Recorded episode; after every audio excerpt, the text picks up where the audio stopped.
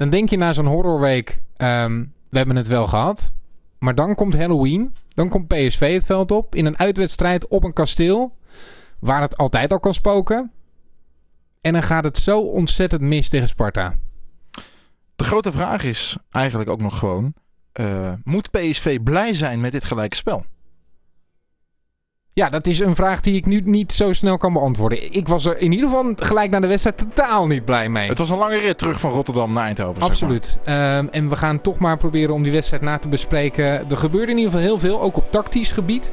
In die wedstrijd eh, tegen Sparta. Heel veel vragen ook eh, binnengekomen naar aanleiding van die wedstrijd en de keuzes die daarin zijn gemaakt. Dat gaan we allemaal bespreken in seizoen 3, aflevering 40 van de PSV-podcast. Het is de linkerhoek kegelt rechts van de keeper.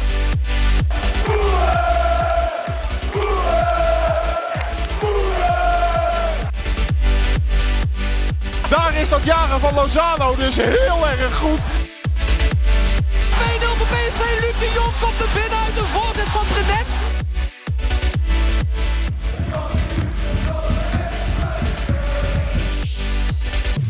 Ook in deze aflevering natuurlijk weer met Luc van der Braak. En met Jenny Geling. Mark Versteden is er in deze aflevering niet bij. We zullen wel nog even kort een eh, bijdrage van hem. Want ook hij heeft natuurlijk een eh, mening gevormd naar aanleiding van deze wedstrijd. Dan mag ik hopen dat hij die heeft. Ja, ehm, ik denk dat iedereen die wel heeft. Eh, Mark en ik waren samen bij, eh, bij die wedstrijd, zaten op de tribune. Ehm, en voorafgaand dacht ik, nou ja, ehm, eh, Sparta is op zich wel een tegenstander waar je een goed resultaat eh, tegen mag boeken.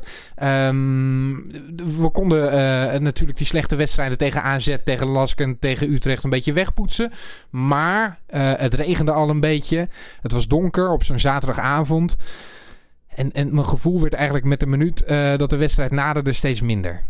PSV is wel vaker onderuit gegaan op het eh, kasteel. Ik kan me nog een bekerwedstrijd herinneren Precies. op een eh, gure, vage... Ja, dat was ook zo'n gekke avond. Donderdagavond dat je het inderdaad niet verwacht. Eh, maar je kunt natuurlijk niet anders dan stellen dat met de, ja, de huidige resultaten van PSV... Dat, dat, dat je daar niet over kunt denken als zijn de kat in het bakkie. Sparta uit. Ja, je kunt zeggen staan boven Feyenoord. Dat ligt meer aan Feyenoord dan aan Sparta. Maar Sparta doet het gewoon goed. Zit niet in de degradatiezone. Dus niet een, een, een tegenstander die je zomaar even aan moet pakken. Maar ik had wel verwacht dat met...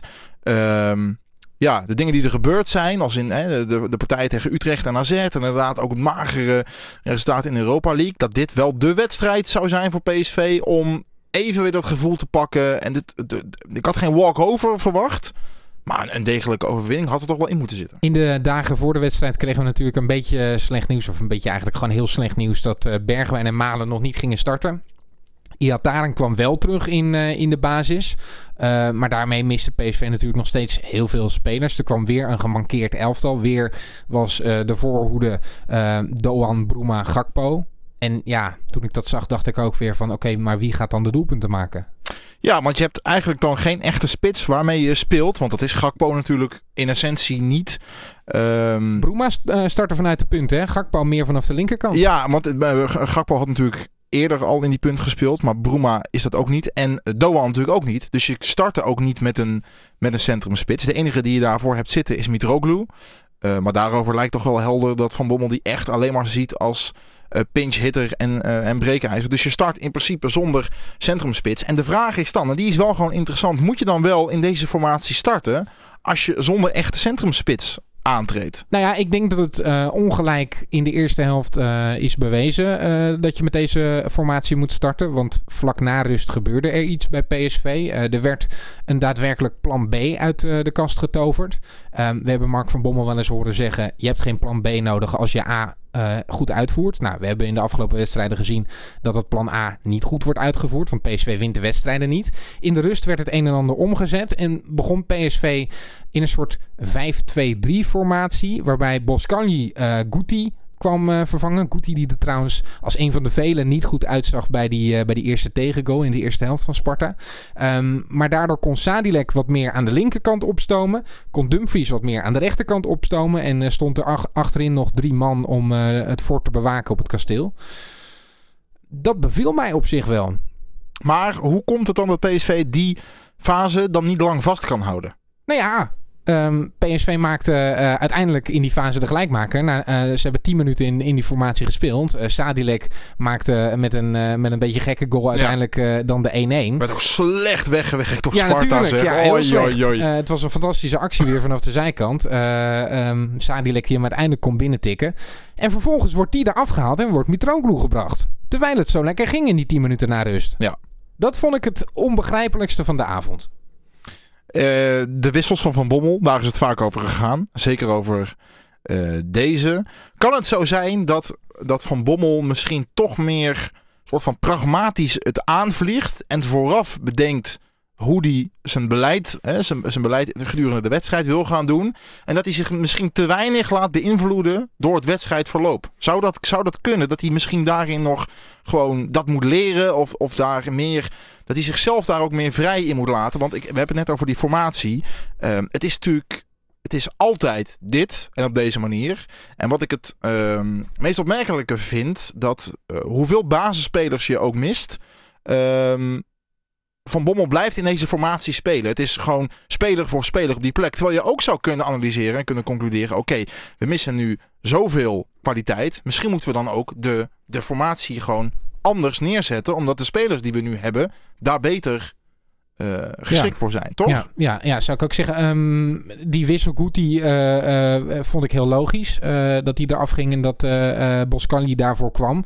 Um, niet dat Boscanli nou de grote redder moet, moet zijn, normaal gesproken, van dit PSV. Maar daardoor was er dus een formatiewijziging. Maar met name die wissel daarna vond ik eigenlijk heel bijzonder. Want Mitroglou ging voorin spelen. Gakpo ging ook voorin spelen. En Bruma werd naar de linkerkant gehaald. Die als een soort Sadilek die hele flank moest gaan bestrijken.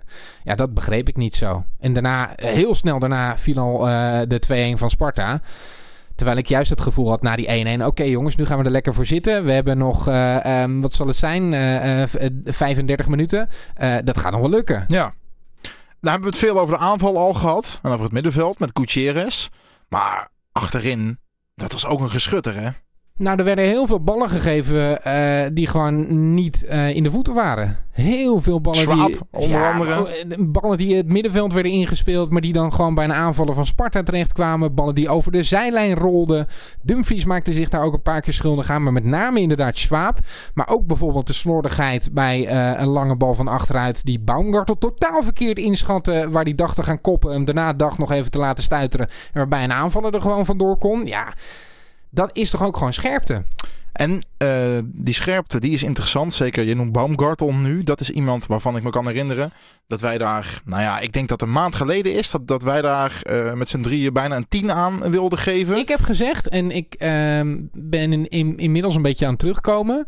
Ik heb gezegd dat dat uh, de beste centrale verdediger van de afgelopen tien jaar is. Rechter centrale verdediger. Want ik vind Moreno wel nog een stapje beter. Maar... Ja. Nou, dat, want het was, volgens mij was dit in die wedstrijd waarin Malen ook vijf keer scoorde, dacht ik. Dat Baumgartel ook. Ja, die speelde toen waanzinnig. Ja, dus hoe, hoe, kan, hoe kan die zo uh, zijn afgegleden dan in een aantal weken tijd? En vooral iemand die niet, zoals Ihatare, uh, op jeugdige leeftijd doorstroomt, waarvan je zoiets kunt verwachten. Maar dit is een jongen die gewoon voor miljoenen gehaald is uit de Bundesliga. Daar ervaring heeft opgedaan. Dus die, die mag je eigenlijk niet uh, dat, dat, uh, dat meegeven van joh, het mag af en toe een keer fluctueren en, en toch? Dat, dat is juist iemand waar je dan, zeker als viergever al ontbreekt, waarvan je... Ja, we hebben hem ook wel als leider genoemd, achterin. Ja, meer dan vier, hij is meer uitgesproken dan viergever. Viergever is wat, doet zijn werk goed en ik denk ook dat dit misschien wel de afgelopen wedstrijden hebben bewezen dat je viergever toch wel mist. Maar Baumgartel is meer uitgesproken. Maar op het moment dat er dan heel veel zekerheden wegvallen, dan is kennelijk hij ook niet iemand waar je dan op, op terug kunt. Nee, kijk, ik denk dat uh, Baumgartel heel goed is in het vooruit verdedigen. Um, en dat je dat heel goed kan um, tegen tegenstanders die zich laten inzakken. Dat deed Vitesse bijvoorbeeld. Uh, waardoor PSV er uiteindelijk uh, wel makkelijk doorheen kon lopen. Um, daar was hij gewoon heel goed in die wedstrijd. En nu krijg je uh, ploegen die PSV gaan opjagen. Dat weten ze natuurlijk ook. Ze ruiken allemaal bloed nu in de hele Eredivisie. Ja. Want iedereen kan nu een resultaat halen tegen Willem PSV. 2 die, uh, die denkt, nou, daar gaan nou, we. Dat is gewoon zo. En ja. um, dat zal in, in het vertrouwen van die gasten niet lekker zijn. En voor het spel van Baumgartel niet, niet heel positief. Het Duitse centrum, dat hebben we nu twee wedstrijden gezien. Daarvan kunnen we concluderen dat dat uh, het niet is. Nou, je bent echt blij dat Viergever er weer is. Ja. Ja, en, en had je gedacht dat je dat ooit zou zeggen? Nee, dat is toch gek? Ja, We hebben aan het begin van het seizoen ook wel gedacht van... Goh, gaat die Boscani misschien nog in het centrum spelen? nou ik denk dat... eh, dat eh, David, kijk, de, de laatste linie, de defensie, is altijd al een... Nou ja, probleemkindje is een groot woord. Maar die linksbackpositie, dat was altijd al hangen en wurgen. Maar het centrum stond vrij aardig. Dumfries doet het goed. Maar op het moment dat dat, dat centrum dan ook nog eens gemankeerd is, ja, dan merk je dat er in die laatste linie, dat daar zo kennelijk zo weinig communicatie is. Eh, en dat is niet iets wat je per se alleen in die wedstrijd tegen Sparta eh, hebt gezien, maar ook in de wedstrijden daarvoor. Gewoon vrije mensen, mensen die te laat komen, die niet doordekken. Het wordt niet met elkaar gepraat, zo lijkt het haast wel. Eh, en je zou zeggen dat dat toch al iets is wat trainbaar moet zijn, toch? Ja, je zou het zeggen. Maar je zou ook zeggen dat een bal over een meter trainbaar moet zijn. Ja, Schwab speelt hem gewoon in de voeten, letterlijk. Ja, ik vond het heel opvallend. En dat, dat, dat vond ik het meest opzienbarende ook van deze wedstrijd. Dat het weer zo slordig was. En ja, dat lijkt me dan toch een vertrouwenskwestie. Ehm, en dat is heel moeilijk om te keren, lijkt me. Is het iets dat, ehm, dat de speler Mark van Bommel in zich heeft, die heeft gehad hè, in zijn carrière, die dedication, die mentaliteit, de simpelste dingen gewoon goed doen. En dat hij daardoor misschien onderschat dat een aantal spelers die hij heeft, dat die daar dat die wat meer coaching. Omdat het bij hem vanzelfsprekend Ja, is. omdat hij dat als natuurlijk ervaart. Dat hij, dat hij dat van anderen misschien ook verwacht. Terwijl sommigen misschien, hoewel je gewoon profvoetballer bent en eh, hè, doe wat je moet doen, zou je zeggen. Dat anderen daar misschien iets meer coaching in, in nodig hebben. En ik vind ook, en we, we hoeven het niet weer, wat mij betreft, 10 minuten over Rosario te hebben.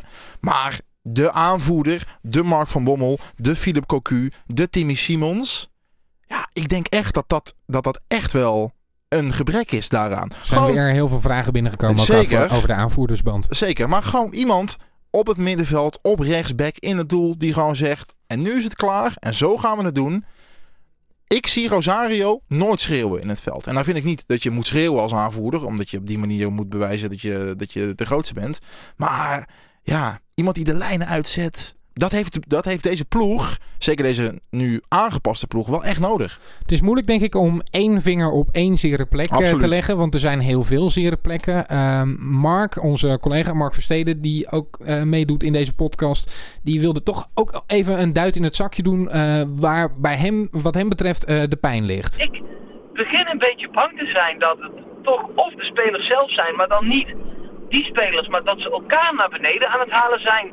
En dat er niet echt een leider is. Of is het dan toch de staf die de aangekochte spelers en ook de spelers die er al waren, dan toch niet kan laten renderen? En heeft Mark van Bommel dan geteerd op het fantastische werk wat zeker met terugwerkende kracht, want hij kreeg ook nog wel ooit kritiek, eh Philip Cocu heeft gedaan in Eindhoven. Ja, want het is er veel over gegaan ook eh, na die wedstrijd. Ligt het dan aan de aankopen? Eh, ligt het aan de spelers zelf? Ligt het aan de trainer? Ja, Ja, het is interessante. eh, Kijk, het- wij kunnen eh, denk ik niet van buitenaf eh, iets zeggen over hoe het daar in de kleedkamer aan toe gaat. wie daar, ja, hoe, hoe, hoe dat gaat. Of die gasten te motiveren zijn of niet. hoe de keuzes worden gemaakt. Dat is, dat is allemaal niet in te schatten.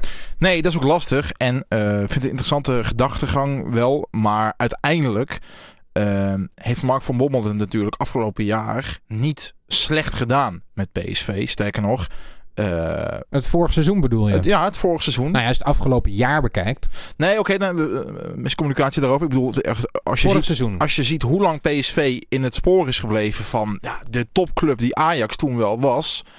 Daarin is, eh, is, is Mark van Bommel denk ik niet in gebreken gebleven. Maar ik heb gewoon het idee dat de, de, eh, de sleet en, en, en eh, het gebrek aan, aan passie, wat we eind vorig seizoen dan misschien een beetje uiteindelijk zagen, dat dat nu al heel vroeg in het seizoen eh, zichtbaar wordt.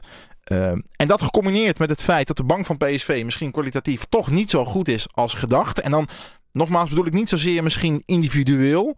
Want daar kun je misschien nog wel wat mensen tegen elkaar wegstrepen. Want ik vind Schwab en Viergever tegen elkaar wegstrepen vind ik, vind ik niet bijzonder groot verschil bijvoorbeeld. Maar dat als dus kennelijk te veel poppetjes tegelijk wegvallen. Dat er dan niet zomaar een team voor terug kan. Nee, maar we noemen eigenlijk gewoon Bergwijn en Malen dan toch? Ja, maar dat, dat zijn spelers die, die met hun eigen kwaliteit het verschil maken. Dat zijn, zeker Malen is natuurlijk niet de teamspeler die het aan de gang houdt. Uh, dat is iemand op wie je leunt voor individuele kwaliteiten. Die bij, altijd wel een goal maakt precies, in de afgelopen bij, bij Bergwijn is dat ook. Al vind ik Bergwijn wel meer een uh, speler met uitstraling en uh, we gaan ervoor mentaliteit. Ja, loopt met zijn bek mee altijd. Verdedigend Precies. heel belangrijk. Ik heb ook wel eens geopperd van misschien is dat niet, of is dat niet een, een optie voor je aanvoerderschap. Omdat daar wel, daar, daar staat wat meer, daar komt wat meer uit dan, dan bij Rosario. Maar dat zijn natuurlijk, dat zijn niet spelers die je ploeg bij elkaar moeten houden. Die moet, je, die moet je aanspelen, die moet je in stelling brengen. En die moeten met hun eigen finesse. En natuurlijk het gebrek aan goals van Malen, dat is lastig. Uh, en in die zin heeft Mark van Bommel zeker voorin ook wel echt pech met Lammers, die uh, daar natuurlijk niet beschikbaar is. En nou ja, daarom is Mitroglou gehaald. En Mitroglou. Maar die hebben we nu ook een paar keer zien invallen. Uh, die eerste invalbeurt was geweldig, de tweede ook. Ja. En daarna valt het gewoon echt tegen. Ja, dat klopt. Dus in die zin zijn de mogelijkheden daar ook niet, niet reuze. Um, en dan hebben we denk ik, heeft de buitenwacht misschien dan toch de bank te veel overschat. Misschien. Of in ieder geval als, als, als combinatie, zeg maar. We zijn ook echt heel erg afhankelijk van iemand van 17 geworden, hè? Zeker. Je hebt nog geluk dat uh, Ihatare deze periode waar hij doorheen gaat, dat hij die relatief goed doorkomt en relatief nou, snel ja, echt beschikbaar waanzinnig. is. Ik ja. vind het zo knap. Ja, ik ook. Want als er iemand er uh, gezien de omstandigheden drie maanden uit ligt, dan moet je, dan dat, zou je het volledig begrijpen. dan moet je dat ook respecteren. Ja. Dus je hebt nog inderdaad geluk dat die en het is natuurlijk een, het is een hele volwassen kerel. Dat zie je in alles. Dus dat hij ook hier goed mee om kan gaan. Dat, dat past wel bij hem. Maar daar heb je wel geluk mee. Want je kunt inderdaad niet blind varen op, op de beschikbaarheid van iemand van 17. Nee, dat is iets wat, wat, je, ja, wat je moet koesteren dat dat erbij is gekomen. Maar dat zou niet je basis moeten zijn. En dat lijkt het nou, nu toch wel te zijn. Wij geven altijd cijfers aan uh, spelers. We hebben eigenlijk iedereen wel een onvoldoende gegeven. Dumfries kreeg wat voldoendes.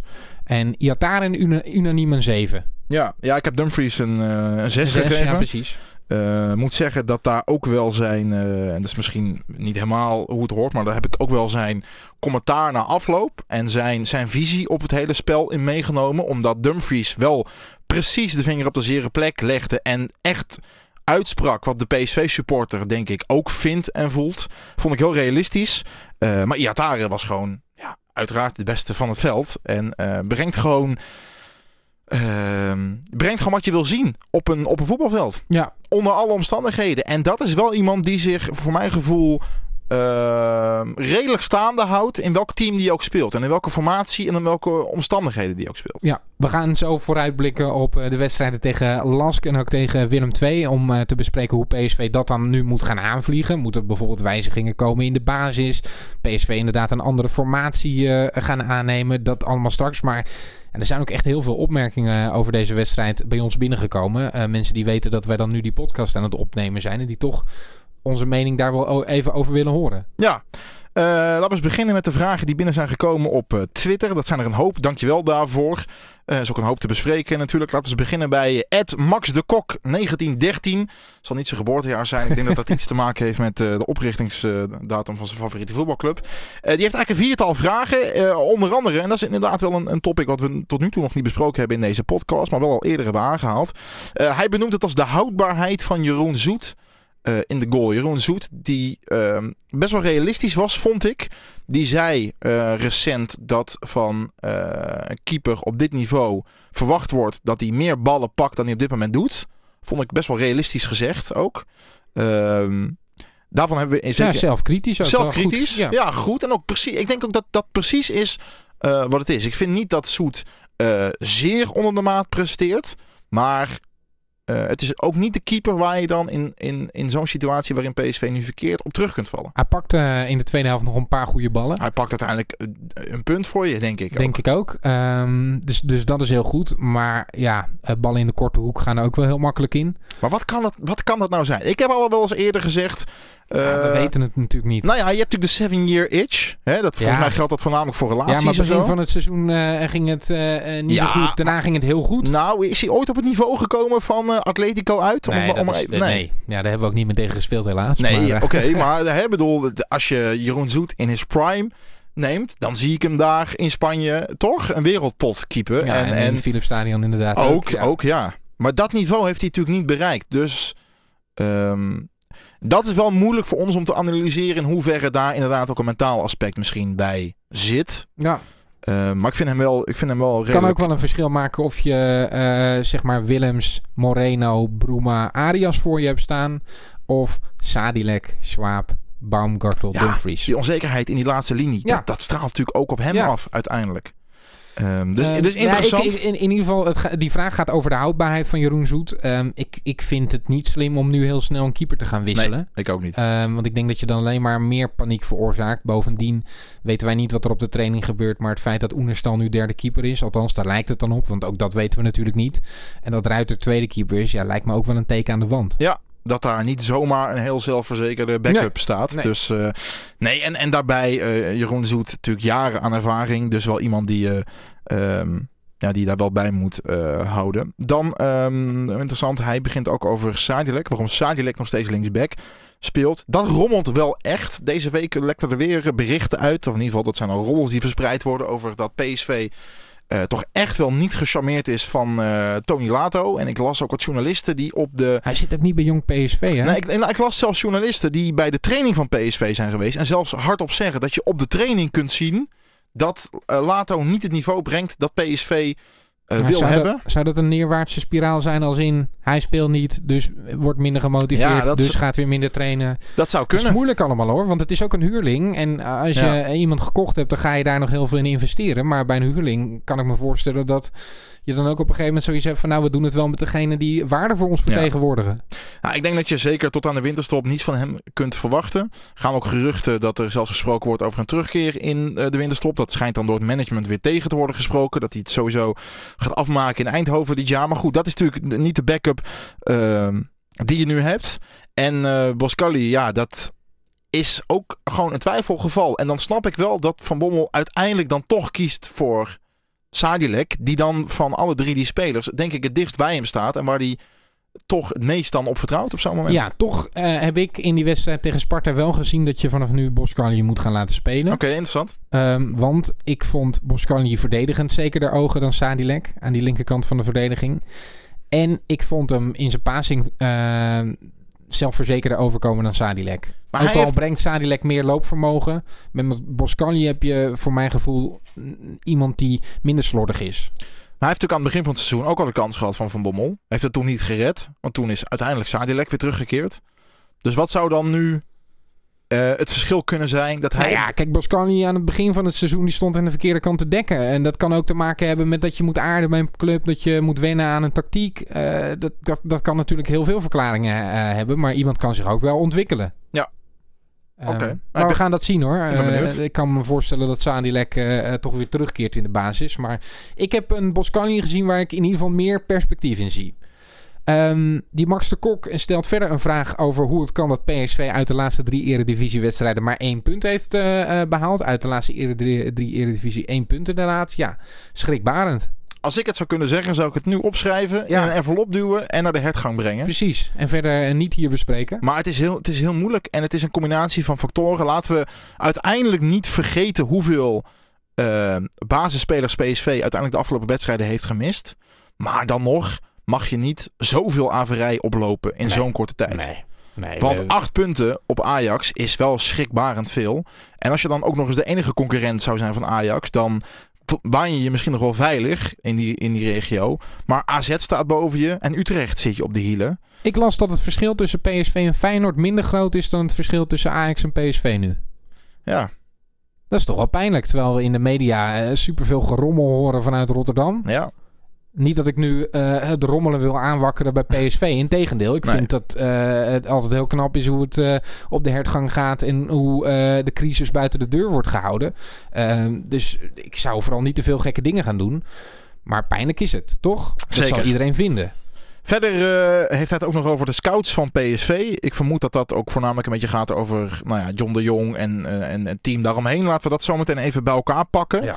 Er zijn ook mensen die namelijk iedere aankoop zouden willen Ja. evalueren op dit Ja. moment. Dat kunnen we zo meteen wel even bij elkaar pakken. Dan wel interessante van Ed Stefan op Twitter. Ehm, of Van Bommel misschien Dumfries aanvoerder moet maken. Wat vond jij van de teksten van Dumfries? Na, Ja, eh, waanzinnig. wedstrijd tegen Sparta? Eh, verfrissend, maar dat is altijd. Ehm, ik vraag me af of je eh, de, de- niet een keer uit de bocht schiet. Eh, als je Dumfries dan eh, alle interviews laat doen. Ja. Ehm, en ik kan me voorstellen dat het een hele veilige keuze is om Rosario dan bij interviews naar voren te schuiven. Want die zegt niet heel veel spectaculairs. Doet ook weinig fout daarin.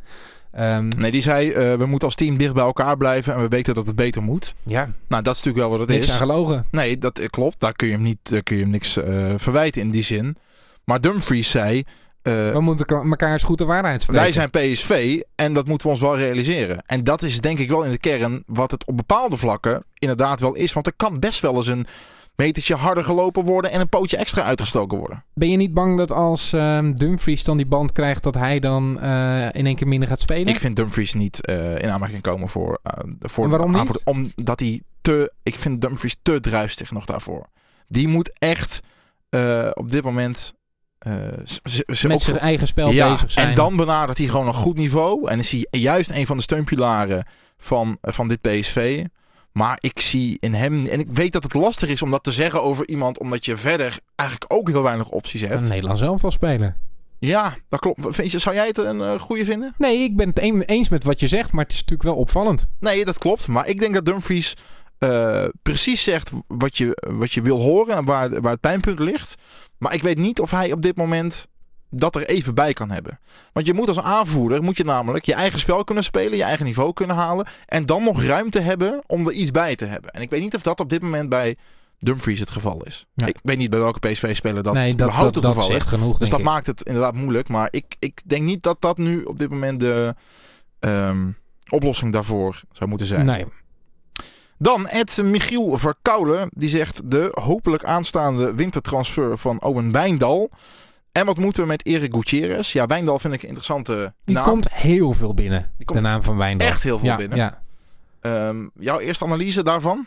Nou ja, ehm, PSV heeft natuurlijk eh, een paar goede aankopen gedaan vanuit de subtop van de eredivisie. En daar schaar ik dan AZ in dit geval nog onder, want je speelt niet bij de top 3. Dus er ligt een andere druk op je als, eh, ik als zie dat dus anders. Dus ik ben met, maar ik maak je zijn verhaal af. Ehm, ook al schurkt AZ inderdaad tegen de top van Nederland aan, er zal daar nooit dezelfde druk van het moeten winnen liggen als bij Feyenoord, Ajax en PSV. Dus dat doet iets anders met een speler.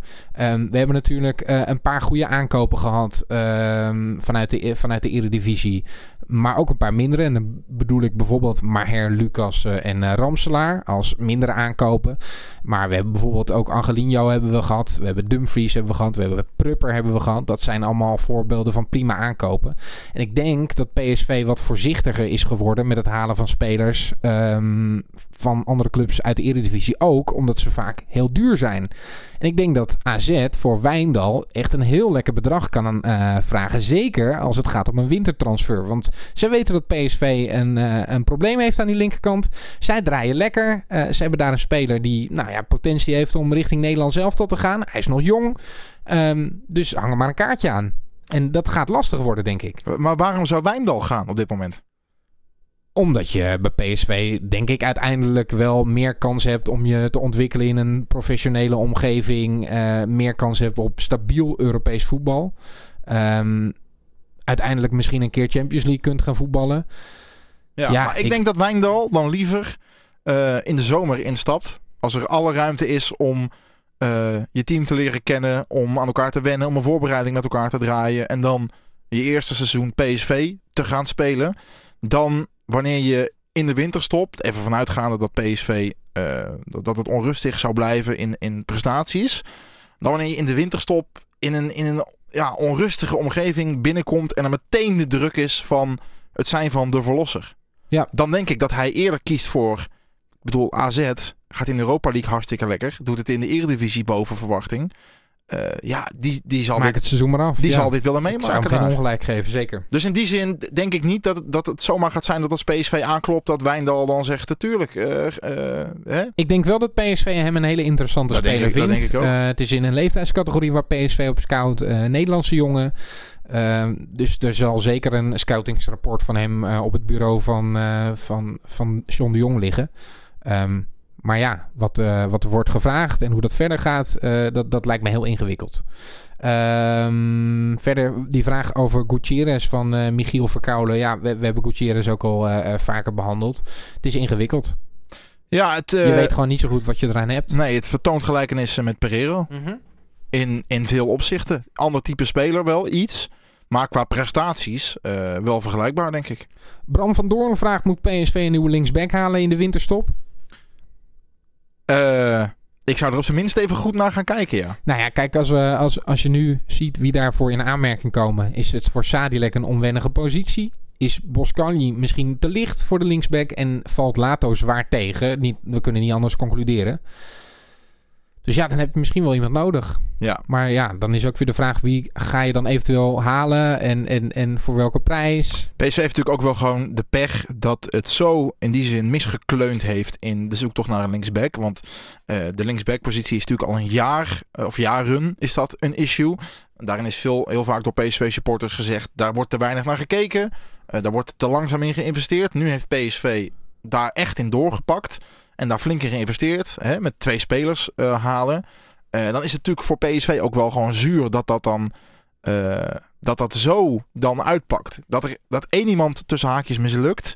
Hè, stel je voor dat Lato dat dat gewoon echt een mismatch is. Dan, dat kan natuurlijk een keer gebeuren. Hè? Ik bedoel, we- we- dat, je kunt dat nooit 100% zeker zeggen. Maar dat dan ook Boscarli zo wisselvallig is. Dat komt dan natuurlijk ook wel heel ongelukkig bij elkaar, denk ik.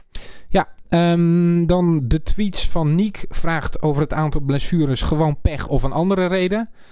Ja, lijkt mij gewoon pech. En wij weten het ook niet als het anders is. Nee, ik ga ook ehm, voor pech. Met de, wel de kanttekening dat als de blessure die Bergwijn momenteel heeft... eh, van de aard is die die nu is... doordat hij 10 minuten te lang heeft doorgespeeld... dat dat natuurlijk wel... ehm, ja... Nou ja, is, dat is onprofessioneel te noemen. Dat hij zo lang op het veld eh, bleef staan. Ja, nou, als, als de blessure... En dat is moeilijk dus om in te schatten...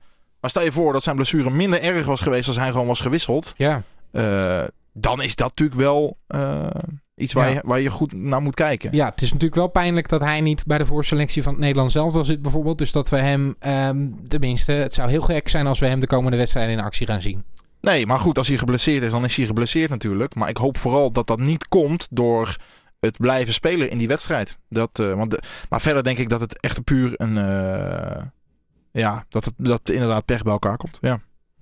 Ehm, dit is ook wel een interessante van eh, Bas het Hart. Die zegt de, de talenten van vorig jaar zijn nu regelmatig basisspeler. En speelden vorig jaar al regelmatig. Waar blijft de nieuwe lichting basisspelers to be? Dit gaat denk ik voornamelijk over Malen en Ihatare. Eh, met Ihatare en eh, Malen in, in meerdere maten die vorig jaar structureel invielen. Malen was gewoon een, eh nou, ja, een vastigheidje. Hè? Minuut 70, 75. Dan kwam Malen in het veld als de stand het in die zin toeliet. Ehm Gakpo. ja, Gakpo ehm, vind ik niet een wereldindruk maken. Nee. En daarover zeggen we dat is eigenlijk een soort super sub. Die, die lijkt meer, meer grip op een wedstrijd te hebben en meer zijn stempel te kunnen drukken als hij er, nou ja, net als Malen in de minuut 70, 75 inkomt en even een kwartiertje kan vlammen. Dan wanneer hij vanaf het begin eh, erin staat. En dat kan natuurlijk ook wel met druk te maken hebben. Dat, dat, wel, dat is wel even wat anders hè. Als je, als je een van het geraamte bent die het moet doen vanaf minuut 1. Dat is wel even wat anders dan wanneer je eh, in de 70ste minuut bij 2-0 voor wordt gebracht. En in die zin redelijk eh, vrij kunt spelen. Dus dat is ook misschien niet iets wat je Gakpo op dit moment in die zin kunt verwijten of aan kunt rekenen. Nee, maar eh, de vraag is welke, w- wat worden de basisspelers to be? Ik kan eigenlijk alleen hem noemen nu. Ja, ik denk dat het misschien in retrospect toch onhandig is geweest dat Obispo is verhuurd. Ehm, want die had je er misschien best bij kunnen hebben nu, eigenlijk. Eh, Linksbenige centrale verdediger. ja. Maar goed, dat zijn wel dingen en dat is een beetje... Ja, maar dan had je ook weer zo'n jonge gast erbij gehad. ja, maar het is wel hetzelfde. Het is toch hartstikke goed dat hij zich nu ontwikkelt bij Vitesse. Ja, maar je had hem goed kunnen gebruiken. nu. Nou, weet ik niet, want hij is natuurlijk eh, heel jong. hij heeft nog niet zo heel veel bij Ja, PSV gespeeld. ja. Was dat dan degene die het stabieler had gemaakt Ja, dan oké. Swaap? Maar we hebben het tegenovergestelde. Schwab, een routinier die al jaren bij PSV Maar had je speelt. daarvoor dan Obispo moeten houden? Nee, maar ik wil maar zeggen dat een routinier waar je het van verwacht, het op dit moment ook niet kan doen. Oké, nee, zeker niet. Maar Dus ik ben heel blij dat Obispo in Arnhem speelt nu. nou, dat, dat kan. Ja. Ik, ik denk wel dat dat het type jongens is waar je dan eh, op kunt doelen. We hebben These natuurlijk gezien. Ja, is wel ook wel van een ander kaliber dan Malen. Als in, ja, dat, dat- je kunt daar op dit moment dit seizoen gewoon niet... Nee, die moet ook een keer verhuurd worden, toch? Het is wat we net zeggen met Ihatare. Daar moet je je gelukkig mee prijzen En- dat je daar zo op kunt leunen. Bij die verhuur moet je ook nog maar afwachten of ze spelen. Want bij Sparta speelden Rigo en Pirou ook niet mee. Nee. Ehm, dus ja, de vraag is of dat dan nog basisspelers to be zijn bij PSV. Nee, Mauro eh, heb je natuurlijk in Almelo spelen. En we hebben nog eh, in... eh, Lucas hebben we nog. Luca, ja, Die trouwens niet meer wil terugkomen, heeft hij gezegd. nee, hè? ik denk ook niet dat hij nog heel erg welkom is Nee. in Eindhoven. En Maxi Romero natuurlijk. Dat is ook een spits die verhuurd is. Slechts drie goals gemaakt tot nu toe. Daarom, dat is denk ik, was ook niet de verlosser geweest. Nee, had, en drie assists. er is natuurlijk veel eh, ja, gezet op Sam Lammers. die een goed seizoen gespeeld heeft bij Herenveen. Dat zijn wel de type jongens die denk ik bedoeld worden met, met, eh, met de jeugdspelers to be die, die het zouden moeten Ja. doen. Dus ook daarin Eh, eh, eh, laten we wel wezen, er zijn gewoon nog heel veel mogelijkheden. En dit elftal van PSV is ook heel jong. Dus om nou gelijk hier al op door te gaan selecteren, laten we hopen dat die jongens nog een paar seizoenen bij PSV blijven. Het MJW van Lent die zegt: Is het nu wel of niet crisis in Eindhoven? Ik zou zeggen van wel. Ja, wat maakt het uit? Eh, ja, dat is het. Het gaat echt heel erg kloten. Het is rustiger in Eindhoven en bij PSV dan bij andere topclubs Ja, in dit land. Wij Eh, zijn, die- er, ja, wij, wij zijn er heel erg bij gebaat om niet te zeggen dat het crisis is. Precies. Je moet dat ook vooral niet gaan rondbazuinen, denk nee. ik. Want daar, eh, daar En misschien is het zo, ja. En dan? nou, sportief is er een crisis. Maar ik denk niet dat er, dat er in de club eh, een crisis is. Er zijpelen geen geluiden door over achterkamerpolitiek. En ik denk dat eh Gerbrands en, en de Jong gewoon nog vierkant achter Van Bommel staan. En die gaan dat gewoon uiteindelijk met z'n allen rooien. Dus nee, ja, een crisis in Eindhoven, nee, dat denk ik niet. Eh, dat denk ik niet. Nee. Ed Vogels schouwen. Dat is een mooie hobby, denk ik. Als je Oh, zondagmiddag, eh, Ja. weet je wel, bij de ondergaande zon, lijkt me dat heerlijk. Ehm, Of bedoelt hij Johan Vogel? Dat zou kunnen, ja. Johan Vogel. Nou, dat was de tijd. Die hadden we goed kunnen gebruiken. Dat had je nu goed kunnen gebruiken. Ehm aantal vragen, ik neem ze gewoon even door. Eén, hoe lang is de positie van Rosario als aanvoerder houdbaar? Nou, dat hebben we natuurlijk al min of meer besproken. Ja, zolang er geen alternatief is. Dan wordt dat inderdaad lastig. Eh, het gat tussen basis en bank lijkt bizar groot. Falend transferbeleid. Ja, daar heb ik mijn licht al enigszins op laten schijnen. Dat ik niet per se vind dat dat gat eh, eh, speler technisch heel groot is. Maar het team bij elkaar, dat dat inderdaad wel een te groot gat is. Ja, we hebben ook wel John de Jong de credits gegeven voor zijn nieuwe beleid. Hè? Om jongens met eh, ehm, ja, een beetje een deukje in een grotere competitie te halen. Om zich weer op te laden. Om eh, ehm, ja, dan weer bij PSV te gaan vlammen. Ehm, ik denk dat ze het allemaal kunnen.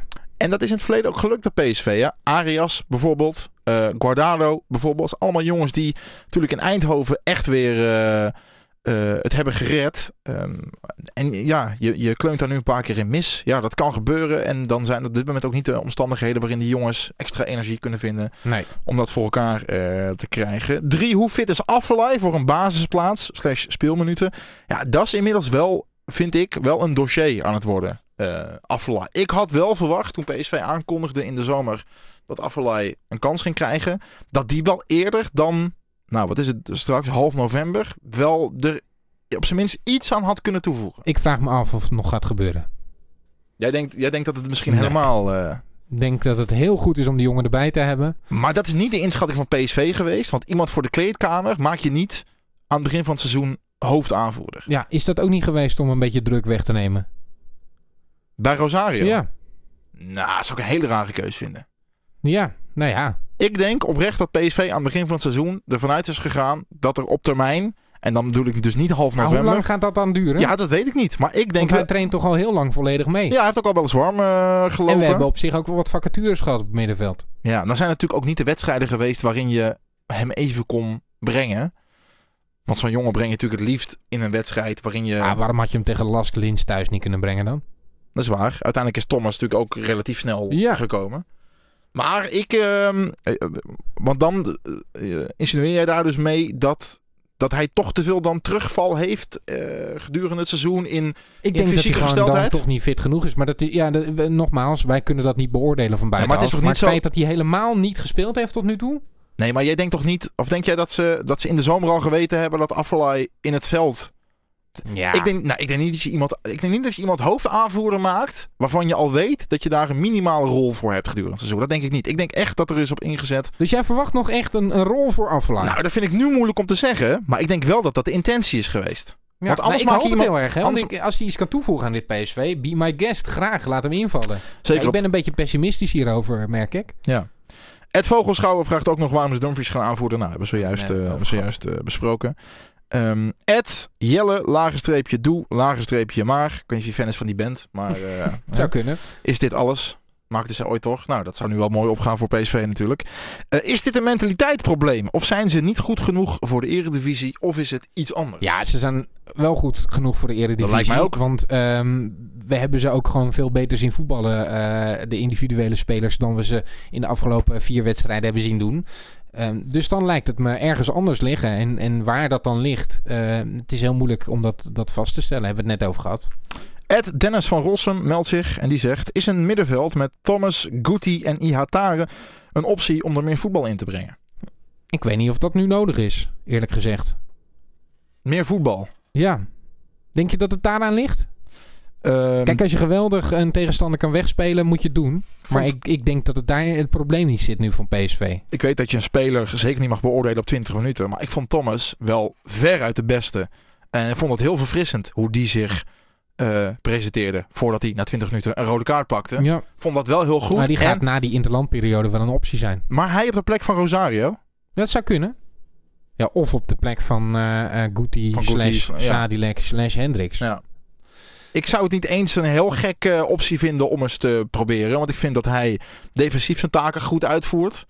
Ehm, maar het is, hij vertoonde in ieder geval in die 20 minuten wel enigszins agressie. Ja. En, eh, dus nou, ik vind het niet eens een, een hele eh, slechte optie. Maar ik, ik kan me ook voorstellen dat Van Bommel wel gewoon trouw blijft aan eh, Rosario. Op zijn minst de Het is in ieder geval de komende wedstrijd eh, tegen Willem II geen optie, want dan is Thomas nog geschorst. Daarom. Ed Bruggy goal. Of zou dat... Ja, het, het zal iets met Brugging zijn, zelf, denk ik. of, hè? eh? Ja, precies. Dat denk ik wel. Die zegt de, tussen haakjes, invloed van de assistenten Robbermond, Dirks en keeperstrainer Hesp. Hoe eh, zien jullie dat? Eh, ik vind dat heel lastig om te beoordelen. En ehm, waar ik dan... Waarvan ik snap waarop gedoeld wordt, denk ik. Ik denk dat er dan gedoeld wordt op... is dat wel zwaar genoeg? Zit daar wel genoeg ervaring? Zit daar wel genoeg echte eh, professionele voetbal know-how? Maar ik vind dat dat allemaal weggestreept kan worden door de eh, directe aanwezigheid van Bert van Marwijk. Ik wou net zeggen. Eh, Dus- We hebben de senior hebben we gewoon erbij. Ja, op de achtergrond. Maar laten we niet doen alsof deze staf te weinig ervaring heeft. Dat lijkt me niet. En als je al inderdaad zegt van oké, ik werk fijn met, met Dirks en Robbermond omdat zij op trainingen hè, iets toevoegen aan, aan, aan veldspel en dergelijke. Hesp doet heel veel met eh de Precies. spelmomenten. En als je dan al vindt van oké, misschien mis ik daardoor wel iets, te, eh, iets aan ervaring, dan is dat natuurlijk met Bert van Marwijk ruimschoots te compenseren. En, en we weten ook van Van Bommel dat hij helemaal niet vies is eh, om daar dan gebruik van te maken. Dus ik snap, de, ik snap de vraag wel, maar ik denk dat je dat wel weg kunt strepen met, met de aanwezigheid van Van Marwijk. In ieder geval afgelopen seizoen. Dit seizoen is hij iets meer teruggetrokken. We zien hem niet meer in een eh, PSV-shirtje op de hertgang. Ehm, maar ik denk wel dat er echt dagelijks gesprekken zullen zijn. Dus Laatste twee vragen. Eh, Wouter 743359550.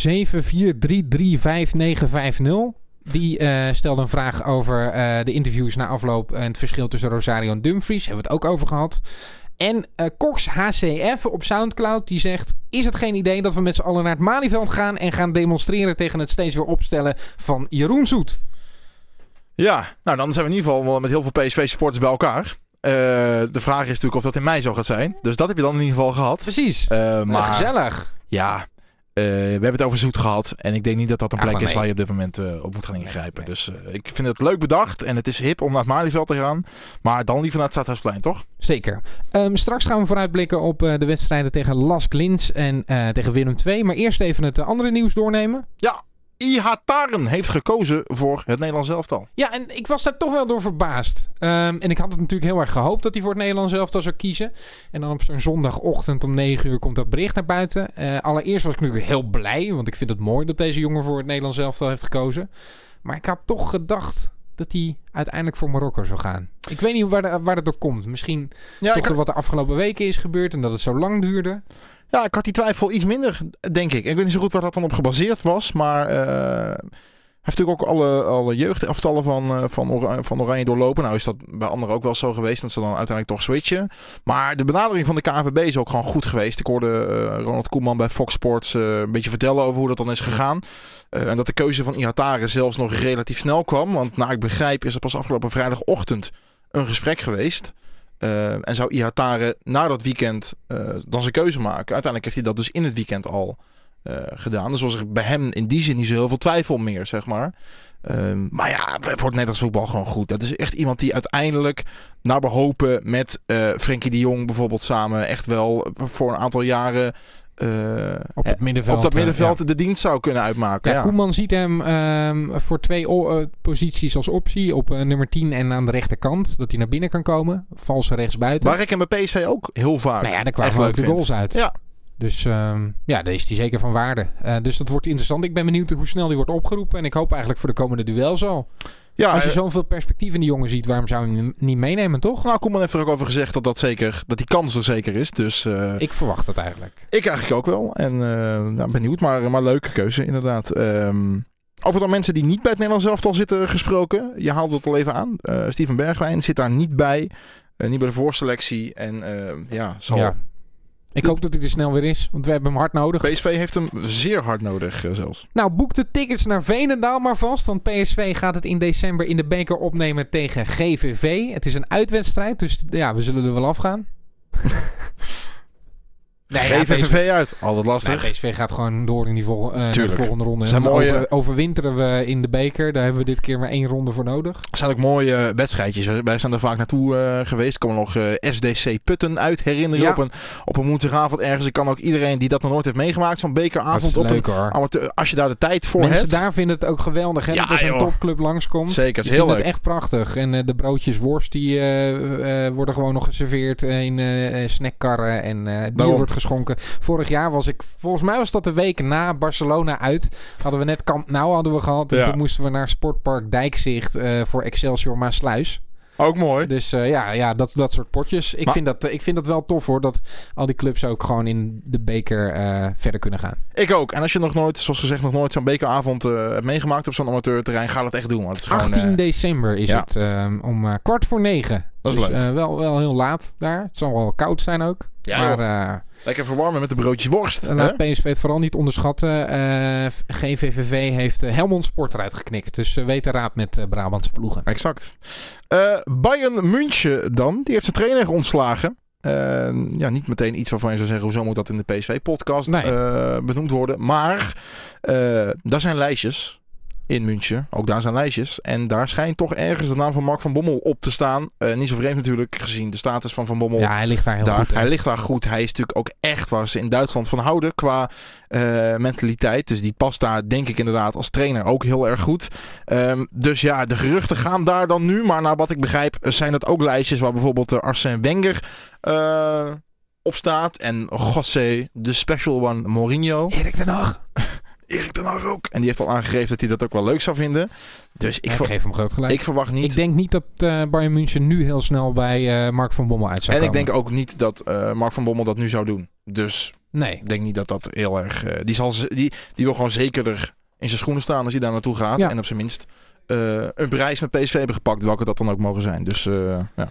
Dan een opvallend bericht in de Mexicaanse media. Er wordt weer een Mexicaan in verband gebracht met PSV. Dit keer Victor Guzman, een aanvallende middenvelder van Pachuca. Dat komt allemaal via Be-In Sports. Ehm, dat artikel is vrij sumier. Er wordt dan gezegd dat hij heeft eh, gesproken met Guti. Dat ze ervaringen hebben uitgewisseld. Nou, ik hoop niet dat Guti de laatste stand van zaken heeft uitgewisseld over PSV en over zijn eigen positie. En over bedragen wordt verder ook niet gesproken in het artikel. Wel dat het zou gaan om een winterse transfer.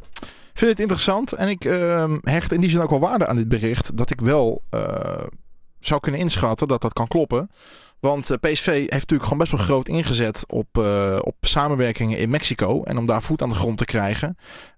Onder andere natuurlijk eh, partner vliegtuigmaatschappij uit Mexico. Die dagelijks op de boarding Mexico, ja. op de boarding staat in het Philipsstadion. En met het vertrek, vertrek van Lozano en nou, de niet al te zekere plaats van Gutierrez is het natuurlijk even commercieel gedacht natuurlijk wel interessant om dan op zijn minst eh, een nieuwe Mexicaan in huis te gaan eh, halen. Want ook op dat niveau wordt natuurlijk wel nagedacht. En dan moet het uiteraard alsnog sportief wel een aanvulling zijn. Maar ik denk wel dat daar op die manier wel naar gekeken wordt. Ja. Eh, en ik kan me best voorstellen als je twee spelers gelijkwaardig hebt. waarvan je dezelfde inschatting maakt. En ook financieel dezelfde prijskaartje hebt. En de een speelt in Italië en de andere in Mexico. Eh, dat je dan best kunt zeggen van joh, laten we dan hè, investeren in de naam die PSV daar heeft. Dus ik, ik, eh, ik weet, kan natuurlijk niet inschatten in hoeverre dit serieus serieus is. Maar ik, nee. ik hecht wel waarde aan dat ik wel denk dat PSV daar rondkijkt. Ja. Interessant bericht, Victor Guzman. Dan heb je in ieder geval de naam alvast een keer gehoord. Ehm, ik heb hem ook nog niet zien spelen, maar misschien gaan er de komende tijd nog wat meer eh, berichtjes over hem komen. Dan Lightdown Madness. Dat is een eh, sfeergroep bij eh, PSV. Eh sfeergroep die er al sinds 2007 is. En ehm, best wel bijzonder bericht. Want zij maakte op maandag, vandaag maandag, bekend dat ze de uitwedstrijd tegen FC Emmen. Die voor 1 december op de planning staat. Om 8 uur willen boycotten. Heeft alles te maken met dat eh, tijdstip van 8 uur. Stuit ze een beetje tegen de borst. Ze hebben daar naar eigen zeggen lang overleg over gevoerd. Hoe ze hun standpunten naar voren kunnen brengen. Zonder dat de, de support van de club daaronder leidt. Maar ze hebben toch besloten dat dit nu de enige en beste oplossing is. Dus in combinatie met eh, eh, Boys from the South. Wat ook een eh, supportersgroep is van, van PSV. Die nu een jaar of twee eh, bestaat. Ja, roepen zij nu op om eh, die wedstrijd te boycotten. Die uitwedstrijd. En zij geven aan dat in ieder geval de sfeer aanhang van Light Out Madness en eh, Boys from the South. Dat die daar niet naartoe zullen gaan. Ehm, omdat zij dit als laatste redmiddel zien. Eh, tegen de 8 uur wedstrijd op Ja. zondagavond. Ja, kijk, ik vind ook iets van die acht uur wedstrijden. Ik heb het al zit- vaker tegen wij zitten, gezegd. daar, wij zitten er anders in, dus dat is mooi. Ja, ehm, jij vindt het volgens mij niet zo heel erg. Je Nee. vindt het wel lekker om op eh, zondagavond zo'n wedstrijd te kijken. Ik sta er iets meer in als eh uitsupporter die af en toe ook nog naar zo'n wedstrijd gaat. En dan denk ik, wij gaan met z'n allen gaan we inderdaad op zondagavond om 8 uur naar Emmen. En als je dan maandagochtend een ochtenddienst hebt, dan ben je echt bokje. Of je moet daar vrij voor gaan nemen. Ehm, dus ideaal vind ik het absoluut niet. Hoewel ik snap dat er wordt nagedacht vanuit de, eh, de tv-supporter. Ehm, maar ik zou toch ook vanuit de stadionsupporter eh denken. Ehm, maar van deze actie vind ik ook wel iets. Ehm, want ik denk dat het probleem niet zit bij je eigen club. Ik denk ook niet dat het zit bij je eigen fans. Ik denk dat het zit bij eh, de KNVB en bij Fox Sports, die hier afspraken over maken. Absoluut in samenwerking met de clubs.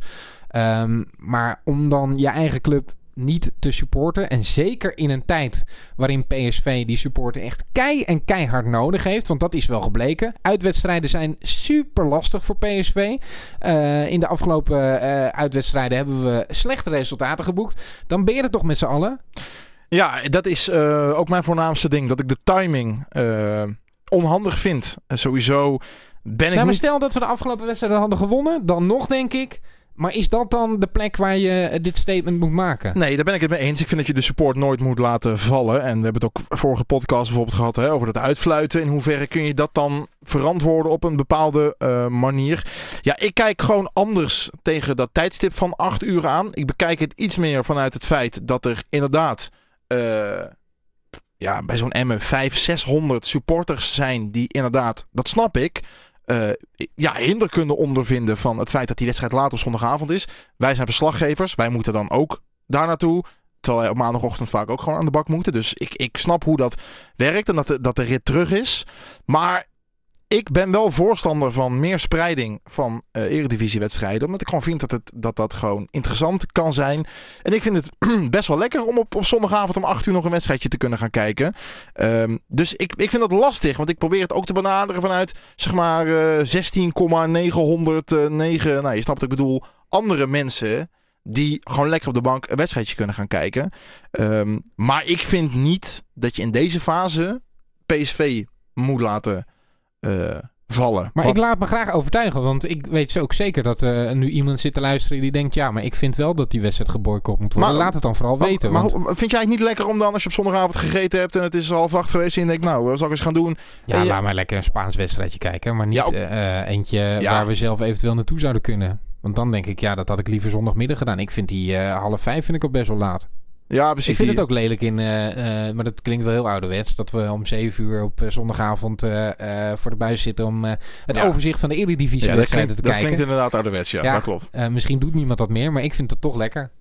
Maar het is ook nooit een probleem om om negen uur op woensdag nog een Champions League wedstrijd te spelen, waardoor je om kwart over twaalf in bed ligt. Snap, je, snap je wat ik bedoel Zeker. daarmee? Zeker. Eh, dus ik, ik dat ben zijn het, de krenten uit de pap. ik ben en het ermee sta eens. er ook weer anders in. Dus misschien is het ook wel hypocriet. nou, ik ben misschien eens met de frequentie. Want dit is uit mijn hoofd de derde keer, denk ik, dat PSV nu om 8 uur gaat spelen. Eh, En laten we dat even bekijken. Maar, Je hebt ook die vrijdagavondwedstrijd. Hè? Die heeft Ajax dan nu eh, gehad afgelopen vrijdag. is ook een tijdstip waarvan veel mensen zeggen... ja, dat vinden we geen eredivisie tijdstip. Dat is een, dat is een Jupiler League... eh, een Jupiler League avond, zeg maar. Nou, daar kan ik dan nog wel een soort van inkomen. Ehm, dus misschien inderdaad zou de frequentie wel wat omlaag moeten. Zou je moeten zeggen... joh, iedere club speelt maximaal één keer per seizoen... eh, om acht uur op zondagavond. Dat zou ik me dan nog kunnen voorstellen. Ehm, maar ik, ik weet niet of boycotten nou daadwerkelijk de oplossing gaat zijn. Voor, ik, ik denk niet dat het statement aan gaat komen, laat ik het zo zeggen. Nee, nou ja, wordt vervolgd. eh, eh, en laat ik vooral weten wat jij ervan vindt als je zit te luisteren. Ja, vind ik Eh, interessant. Misschien kunnen we daar inderdaad een poll even onder gaan houden. Ja. Van joh, wel of niet voorstander van, van die zondagavondwedstrijden. Er gaan in ieder geval twee wedstrijden weer komen. Die zijn niet op zondagavond om 8 uur. Ehm, we gaan Lask Lins eh, tegenkomen weer in de Europa League. En dat is om 7 uur op eh, donderdagavond. Ehm, ja, Ja, dat wordt gewoon een lastige wedstrijd. Ik eh, las vandaag op eh, social media best wel wat mensen die zeggen van... joh, eh, het is inderdaad misschien even onrustig in Eindhoven... maar haal drie punten binnen in de Europa League... en je hebt in ieder geval daar wat lucht. Maar realiteit is gewoon... PSV staat weliswaar bovenaan met zeven punten... maar Sporting en Lask staan daar gewoon een puntje achter allebei. Dus het hoeft maar één keer een gekke avond te worden komende donderdag. En alles is anders in juist daarom moet je nu deze winnen. ja, maar hoe, hoe ga je deze even winnen als je al drie wedstrijden op rij niet presteert in de eredivisie en in eigen huis ook niet hebt kunnen overtuigen tegen Lask. We hadden het net over de, de, de tanden van eh, Willem II die extra zijn eh, opgevijzeld om eh, in PSV te kunnen zetten. Maar wat denk je van Lask Liens? Die ruiken ook bloed. Die hebben ook gezien dat PSV alles behalve in, in, het, in het vel zit. En die hebben ook gezien van joh, in Eindhoven waren we dichtbij. Kom maar op. Dus dat is en met zoveel nog steeds ontbrekende spelers bij PSV. Als eh Lask Lins, stel hè, ze winnen deze, komen ze op 9 punten. Moeten ze nog een keer tegen Rosenborg, kunnen ze gewoon op 12 punten komen. Zeker. En dan moeten ze nog tegen Sporting. Ja. Maar de- hoe eh, zeker ben jij dan van donderdag? Eh, Ja, ik ben nergens meer zeker van Luc. Nee. Eh, Dus dat maakt het natuurlijk heel lastig. Hoe zou Eh, jij- Duidelijk is wel dat het, dat het heel belangrijk is dat PSV deze moet gaan winnen. Als je die wedstrijd eh, in Eindhoven neemt. We hebben die allemaal gezien. Ik heb voornamelijk geconstateerd dat ik vond dat het daar voornamelijk echt veel slordigheidjes waren. Die ik op dat moment misschien nog be- benoemde als slordigheden. Maar die je misschien nu eh, hè, iets later en iets meer gezien te hebben misschien toch anders gaat bezien. Ehm, wat moet er anders dan in deze wedstrijd ten opzichte van de wedstrijd in Eindhoven? Waarvan we allemaal achteraf zeggen, daar had je eigenlijk gewoon moeten kunnen winnen. Oeh, Is dit het moment om te gaan experimenteren met 4-4-2? 5, ik noem maar eh, iets. 5-2-3? Nou, ik, nou ja, ik noem maar iets. Ja, het zou kunnen. Want Ik, ik zou eh, het niet heel gek vinden als je voor defensieve zekerheid kiest en, en eh, Sadilek en Dumfries die zijkanten laat bestormen. En Boscarli wel weer gewoon laat spelen zoals PSV deed eh, eh, vlak na rust tegen Sparta. moet je niet gewoon inderdaad met twee, twee pure aanvallers gaan spelen? Gewoon Gakpo en Bruma of Gakpo en Doan naast elkaar. Zonder echte centrumspits. Nou, ja, dan zou je met twee spitsen gaan spelen. Dat Ja. zou kunnen. Maar de vraag is, eh, durft Mark van Bommel zoiets aan? En zeker op dit moment. Ja, ehm, ik, ik verwacht eigenlijk gewoon wel weer een 4-2-3-1 slash 4-3-3.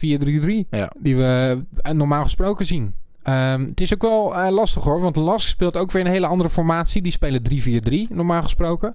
Ehm, dus wat zet je daar dan tegenover? Ik moet zeggen dat ik in de eerste helft PSV wel gewoon goed vond staan eh, in het Philipsstadion. Kreeg ik heel veel kansen, maar Ja. daarna zakte het weg. Maar het is niet zo dat de veldbezetting niet goed was bij PSV. Ehm, dus ja, de, de, het wordt in ieder geval heel interessant. En om nou te zeggen, zo moet je het gaan doen. Nee, daar heb ik echt geen antwoord op. Nee, ik hoop dat Mark van Bommel het wel heeft. Ja, ehm, de, de, de- dat, dat gaat dan aan eh, de staf liggen. Duidelijk is wel dat het eh, heel belangrijk is voor de boel en ook voor de coëfficiënten. Want eh, we zijn in een race met Oostenrijk. Dus als we er één moeten winnen in deze pool, dan is het die wedstrijd tegen Linz. En dat hebben we in de thuiswedstrijd dus niet gedaan. Ehm, dat wordt interessant. En dan gaan we weer in de Eredivisie een uitwedstrijd eh, krijgen. Willem 2.